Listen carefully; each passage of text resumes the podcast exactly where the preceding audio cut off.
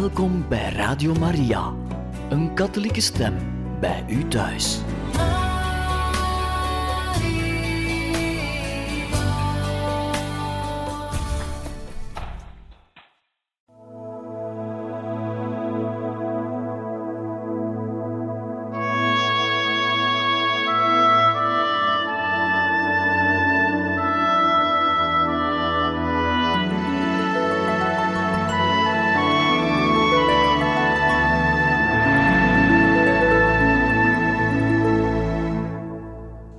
Van harte welkom, beste luisteraars van Radio Maria, in het programma Heiligen Getuigen. We lezen u verder voor uit het boek Herinneringen van zuster Lucia. Vandaag beginnen we in het, eh, de vierde herinnering, zeg maar, die zuster Lucia heeft neergeschreven, met het visioen van de duivel.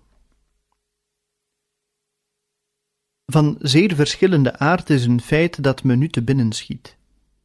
Wij bevonden ons op zekere dag op een plek, Pedreira geheten, en terwijl onze schapen graasden, sprongen wij van rots tot rots, terwijl we echo veroorzaakten vanuit de diepte van die grote rotspartijen. Francisco had zich volgens gewoonte teruggetrokken in de holte van een rots. Na een hele tijd hoorden we hem opeens schreeuwen en op ons en onze lieve vrouw roepen. Bezorgd om wat er gebeurd kon zijn, begonnen we hem te zoeken, almaar op hem roepend: Waar ben je? Hier, hier! Maar het duurde nog even voordat we hem vonden.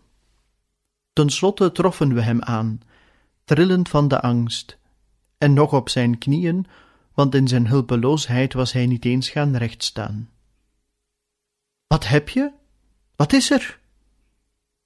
Met een stem half verstikt van de schrik, zei hij: Het was een van die grote dieren uit de hel die hier vuur stond te spuwen. Ik zag niets en Jacinta ook niet. Daarom lachte ik en zei: Jij wil nooit aan de hel denken om geen angst te hebben, en ben jij nu de eerste die angst heeft? Wanneer Jacinta ontzetting voelde bij de herinnering aan de hel, zei ze gewoonlijk: Denk niet zoveel aan de hel. Denk maar liever aan onze lieve Heer en aan onze lieve vrouw. Ik denk er niet aan, dan heb ik ook geen angst. Toch was Francisco helemaal niet bang van aard.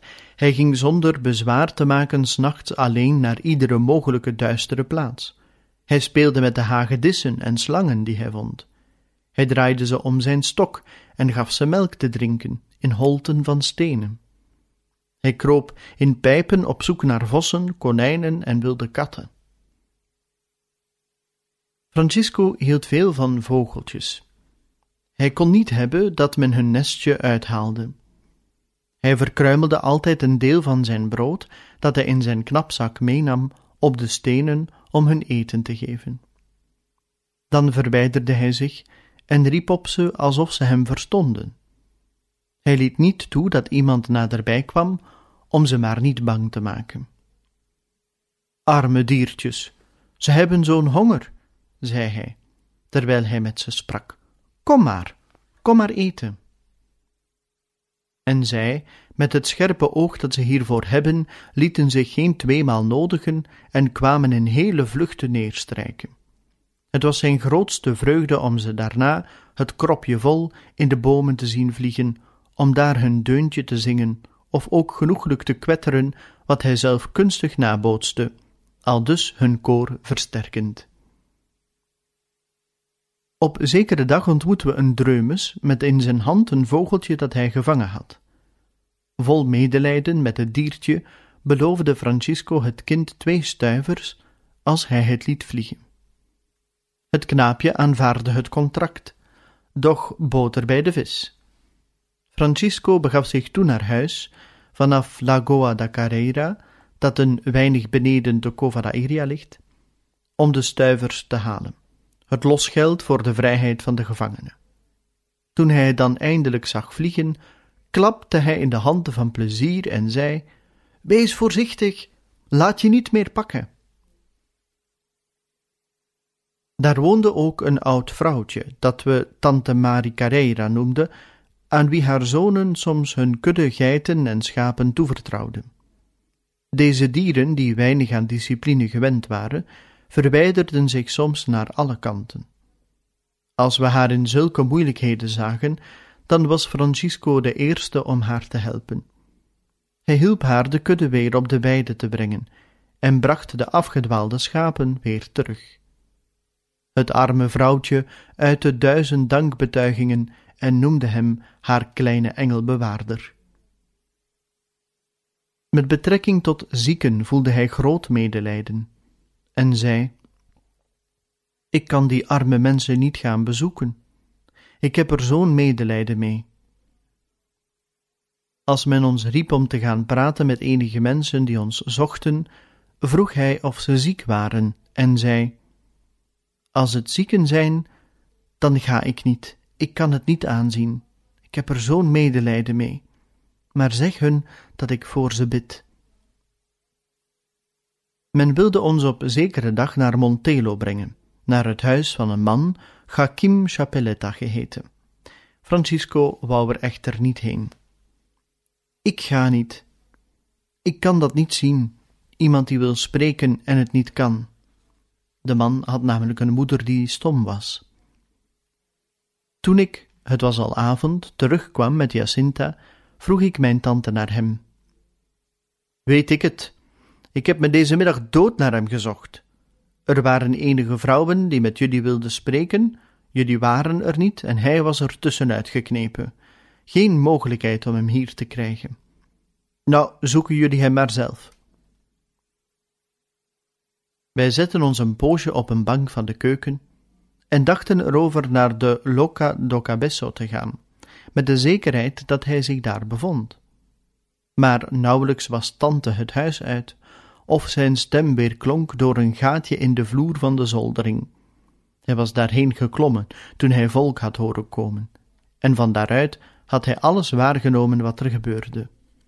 Hierna zei hij: Er kwam zoveel volk. God beware me dat ze me hier alleen te pakken hadden gekregen. Wat had ik hun moeten vertellen?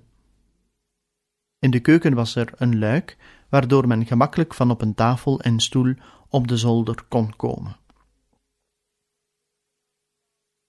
Zoals ik al gezegd heb, verkocht mijn tante haar kudde eerder dan mijn moeder. Sindsdien zei ik s morgens, voordat ik vertrok, Jacinta en Francisco de plaats van de weidegrond waar ik heen ging, en zodra zij de kans zagen, kwamen ze naar mij toe. Toen ik daar op zekere dag aankwam, stonden zij me al op te wachten. Hé, hey, hoe zijn jullie zo vroeg? Ja, antwoordde Francisco, ik weet niet hoe dat komt. Vroeger gaf ik niet veel om jou. Ik kwam omwille van Jacinta. Maar nu kan ik s morgens niet meer slapen uit haast om jou op te zoeken. Na de verschijningen op de dertiende zei hij tot ons op de vooravond van iedere volgende dertiende: Luister, morgen heel vroeg maak ik me uit de voeten. Ik loop door naar de boomgaard, naar de Lapa do. Kom jullie ook maar, zodra je kunt. O mijn God, eerst was ik al zijn ziekte aan het beschrijven vlak voor zijn dood, en nu zie ik dat ik ben afgedwaald naar de heerlijke tijd van de bergen, naar het liefelijk kwetteren van de vogeltjes. Ik vraag dus excuus.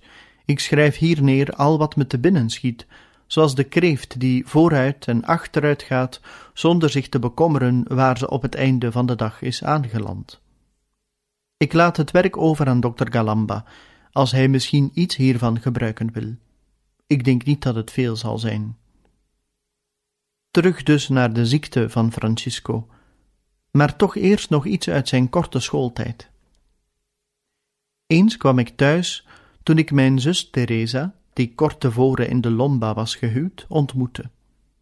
Ze kwam op verzoek van een andere vrouw uit de naburige hucht. Men had haar zoon ingerekend onder beschuldiging, ik herinner me niet van welk misdrijf, waarvoor hij, als hij niet zijn onschuld kon bewijzen, veroordeeld zou worden tot verbanning, of tenminste tot heel wat jaren gevangenisstraf. Zij vroeg me dus met aandrang, in naam van die arme vrouw, waarmee ze zeer begaan was, dat ik voor haar die gunst zou verkrijgen.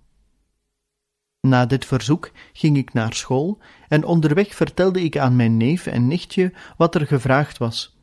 In Fatima aangekomen, zei Francisco tot mij: Hoor eens, terwijl jij naar school gaat, blijf ik bij de verborgen Jezus en vraag ik hem die gunst. Na schooltijd ging ik hem roepen en vroeg: Heb je die gunst aan onze lieve Heer gevraagd? Ja, zeg maar aan je zus Teresa dat hij binnen een paar dagen naar huis komt. En werkelijk, enige dagen later stond de arme kerel weer in huis, en op de dertiende kwam hij met de hele familie onze lieve vrouw bedanken voor de ontvangen genade. Een andermaal merkte ik op, toen ik uit het huis kwam, dat Francisco heel langzaam liep. Wat heb je? vroeg ik. Het lijkt alsof je niet lopen kunt. Oh, ik heb hevige hoofdpijn. Ik heb een gevoel alsof ik ga vallen. Ga dan niet, blijf thuis. Nee, ik wil liever in de kerk blijven bij de verborgen Jezus terwijl jij naar school gaat. Op een van die dagen, toen Francisco, of schoon ziek, nog zijn wandelingetje kon maken, ging ik met hem naar Lapadocabesso en de Valinos. Toen we thuis kwamen, vonden we het huis vol mensen, en een arme vrouw was bezig aan een tafel allerlei devotieartikelen, rozenkransen, medailles, kruisen enzovoort te zegenen. Jacinta en ik werden onmiddellijk omringd door vele mensen die ons wilden ondervragen. Die arme vrouw klampte Francisco aan en ze vroeg hem haar te assisteren. Ik kan niet zegenen, antwoordde hij. En u, madame, kunt het ook niet. Dat is priesterwerk. Het woord van de jonge plantte zich onmiddellijk voort onder die mensen, alsof het door de luidspreker was gekomen, en de arme vrouw zag zich genoodzaakt onmiddellijk te staken, onder verwijten van hen die haar zojuist nog voorwerpen hadden toegereikt. In het geschrift over Jacinta heb ik al gezegd dat hij er nog eens in slaagde om naar de Covarairia te gaan, dat hij een koord droeg en het me overhandigde. Op een snikhete dag was hij de eerste om het offer te brengen van niet te drinken, en soms herinnerde hij zijn zusje eraan voor de zondaars te lijden. Ik veronderstel dat ik dat hier dus niet meer hoef te herhalen. Eens hield ik hem een beetje gezelschap bij zijn bed, samen met zijn zusje die even was opgestaan. Plotseling komt zijn zus Teresa waarschuwen dat er heel veel mensen in aantocht waren, ongetwijfeld op zoek naar ons. Zodra zij buiten was, zei ik hun: Let op, jullie wachten op me. Ik ga me verbergen.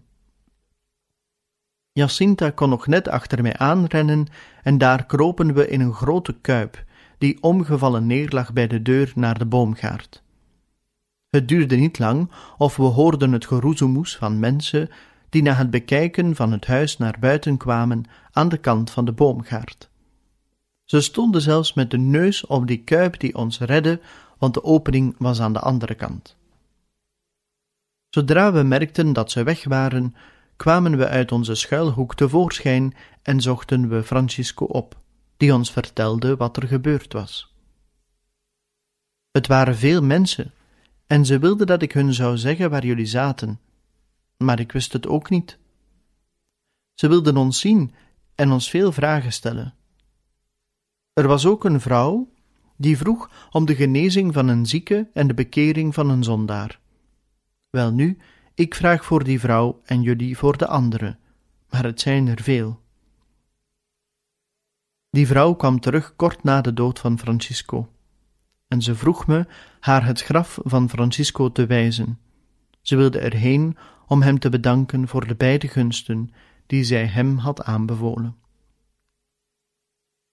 Op zekere dag waren we op weg naar de Covarairia, toen we een weinig buiten Ayustrel op een bocht van de straat verrast werden door een groep mensen die, om beter te zien en te horen, ons, namelijk Jacinta en mij, op een muurtje zetten.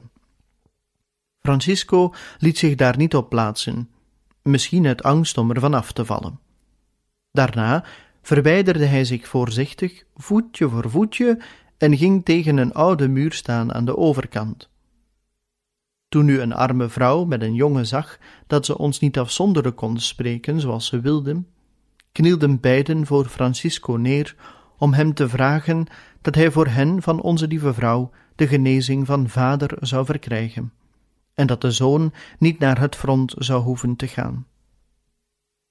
Francisco knielde ook, trok zijn muts af en vroeg of ze met hem het rozenhoedje wilden bidden. Ze zeggen ja en beginnen te bidden. Binnen enige minuten staken al die mensen hun nieuwsgierige vragen, knielen neer en bidden mee. Daarna gingen ze met ons mee naar de Cova Onderweg bidden ze nog een rozenhoedje en daar op de plek nog één. Dan namen ze tevreden afscheid van ons. De arme vrouw beloofde dat ze er zal terugkeren als ze de gevraagde gunsten verkrijgt. En ze kwam nog verschillende malen terug, niet alleen met haar zoon, maar ook met haar genezen echtgenoot.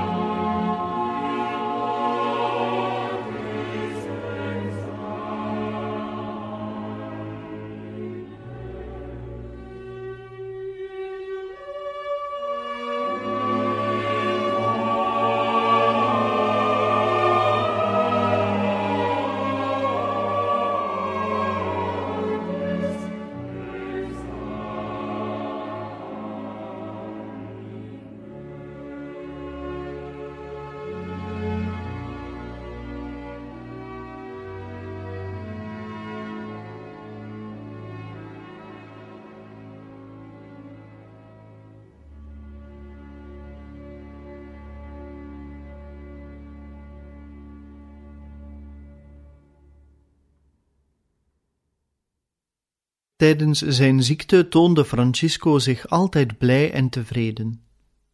Soms vroeg ik hem: Heb je veel pijn? Tamelijk veel, maar dat kan niet schelen. Ik leid om onze lieve Heer te troosten. Bovendien ga ik binnenkort naar de hemel. Vergeet niet als je daar bent te vragen dat ze mij ook weldra haalt. Nee, dat vraag ik niet. Je weet heel goed dat zij je daar nog niet wil. Op de vooravond van zijn dood zei hij mij: Geloof me, ik ben al vlak bij de hemeldeur. Ik voel me heel slecht. Dan denk erom. Vergeet niet daar veel te vragen voor de zondaars, voor de Heilige Vader, voor mij en voor Jacinta.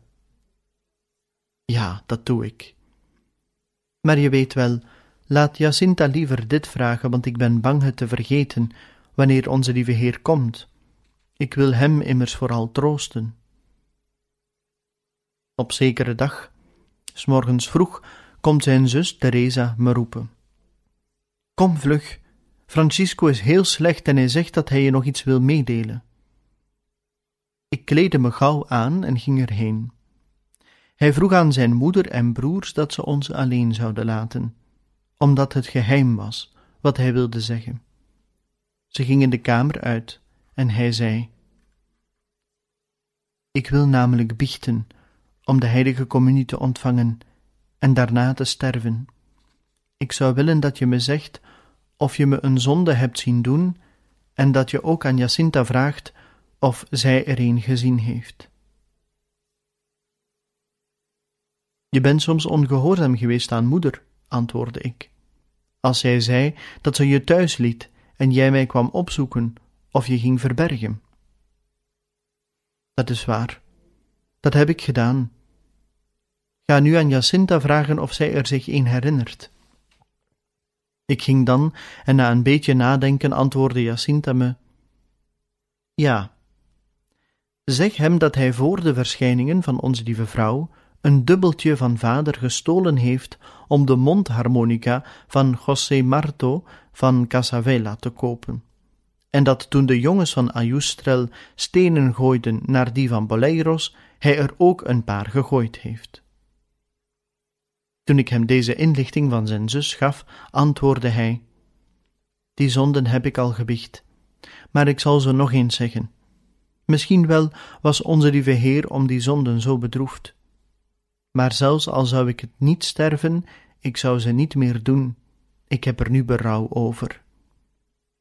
En met gevouwen handjes bad hij: O mijn Jezus, schenk ons vergiffenis, bevrijd ons van het vuur van de hel Breng alle zielen in de hemel, vooral diegenen die het meeste nodig hebben. Luister eens, bid jij ook tot onze lieve Heer dat Hij me mijn zonden vergeeft? Ik bid erom, je kunt er gerust op zijn. Als onze lieve Heer ze je niet al vergeven had, dan had onze lieve vrouw niet onlangs aan Jacinta gezegd dat zij je binnenkort komt halen. Nu ga ik naar de mis en ik bid de verborgen Jezus voor je. Hoor eens, vraag hem dat meneer pastoor me de heilige communie geeft. Ja, goed. Toen ik uit de kerk terugkwam, was Jacinta al opgestaan en zat op zijn bed. Onmiddellijk vroeg hij me, zodra hij me zag: Heb je de verborgen Jezus gevraagd dat meneer pastoor me de heilige communie zou brengen? Ja, Later in de hemel vraag ik voor jou. Ja? Nog kort geleden zei je dat je niet voor mij zou vragen. Dat was om je gauw naar de hemel te brengen. Maar als je wil, dan vraag ik het, en daarna doet onze lieve vrouw wat ze wil. Ja, ik wil dat. Vraag het maar. Goed dan. Wees er gerust op, ik vraag het. Ik liet ze alleen en ging aan mijn dagelijkse bezigheden, werk en school. Toen ik hem s'avonds weer bezocht, was hij stralend van blijdschap. Hij had gebiecht en meneer pastoor had beloofd hem de volgende dag de heilige communie te brengen. Die volgende dag, nu na de heilige communie, zei hij tot zijn zusje: Vandaag ben ik gelukkiger dan jij, want ik heb de verborgen Jezus in mijn hart. Ik ga naar de hemel maar daar zal ik vurig vragen aan onze lieve Heer en aan onze lieve vrouw dat ze jullie ook binnenkort opnemen. Die dag bracht ik bijna geheel met Jacinta door bij zijn bed. Omdat hij al niet meer kon bidden, vroeg hij ons het rozenhoedje in zijn plaats te bidden. Daarna zei hij tegen mij: Ik zal in de hemel zeker veel heimwee naar jou hebben. Mocht onze lieve vrouw je ook maar gauw in de hemel brengen. Heimwee? Nee, verbeeld je, vlak bij onze lieve Heer en onze lieve vrouw, die zo goed zijn. Dat is waar. Wie weet, misschien herinner ik me je niet eens meer. En daar voeg ik nu aan toe: misschien heeft hij zich inderdaad mij nooit meer herinnerd. Ook al goed.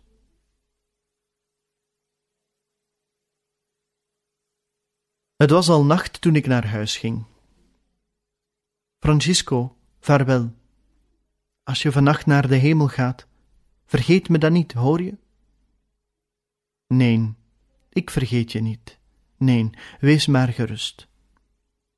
En mijn rechterhand vattend drukte hij die een tijdje krachtig, terwijl hij me aankeek met de tranen in de ogen. Wil je nog iets?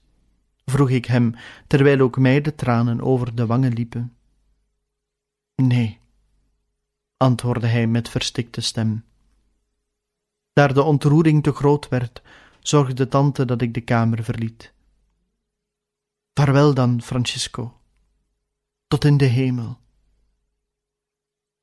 En de hemel ging open. Hij trad er binnen de volgende dag in de armen van zijn moeder in de hemel. Men kan het heimwee niet beschrijven. Het is een droeve doorn die het hart doorpriemt nog na jaren. Het is de herinnering aan het verleden met zijn echo in de eeuwigheid. Daar dokter Galamba gevraagd heeft om profane liedjes, en ik al enige opgeschreven heb in de geschiedenis van Francisco, wil ik toch nog, alvorens met een ander onderwerp te beginnen, er nog een paar aan toevoegen, zodat de eerwaarde kan kiezen als hij het een of andere zou willen gebruiken. De titel van dit lied is Het meisje van de bergen. Meisje van de bergen, meisje van de bergen, met ogen zo bruin. Wie gaf jou, meisje van de bergen, bekoorlijkheid zo groot, bekoorlijkheid zo groot, nog nooit zo een gezien? Meisje van de bergen, meisje van de bergen, heb meelij met mij, heb meelij met mij. Meisje van de bergen, meisje van de bergen.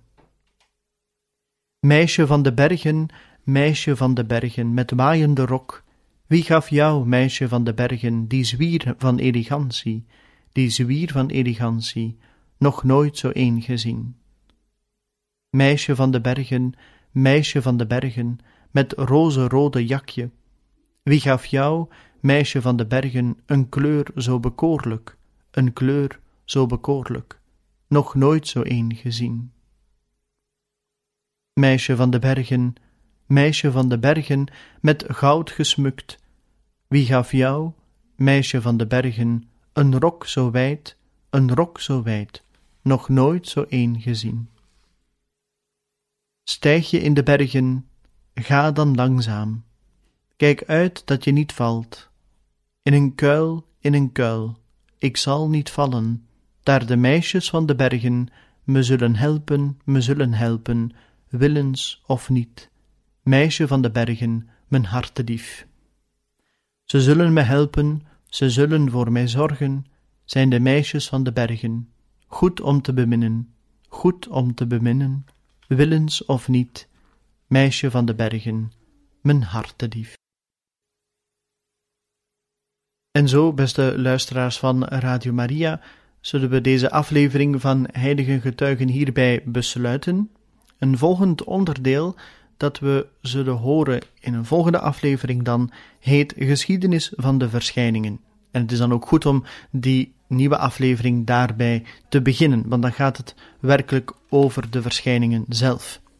Er is eerst een voorwoord gericht aan de bisschop en dan gevolgd door onder meer de verschijningen van de engel en natuurlijk ook de verschijningen van onze lieve vrouw zullen aan bod komen. En dan lezen wij u graag verder voor uit het boek Herinneringen van zuster Lucia. En dan hoop ik dat u er ook een volgende keer wenst bij te zijn. Van harte dank en nog een bijzonder fijne dag gewenst.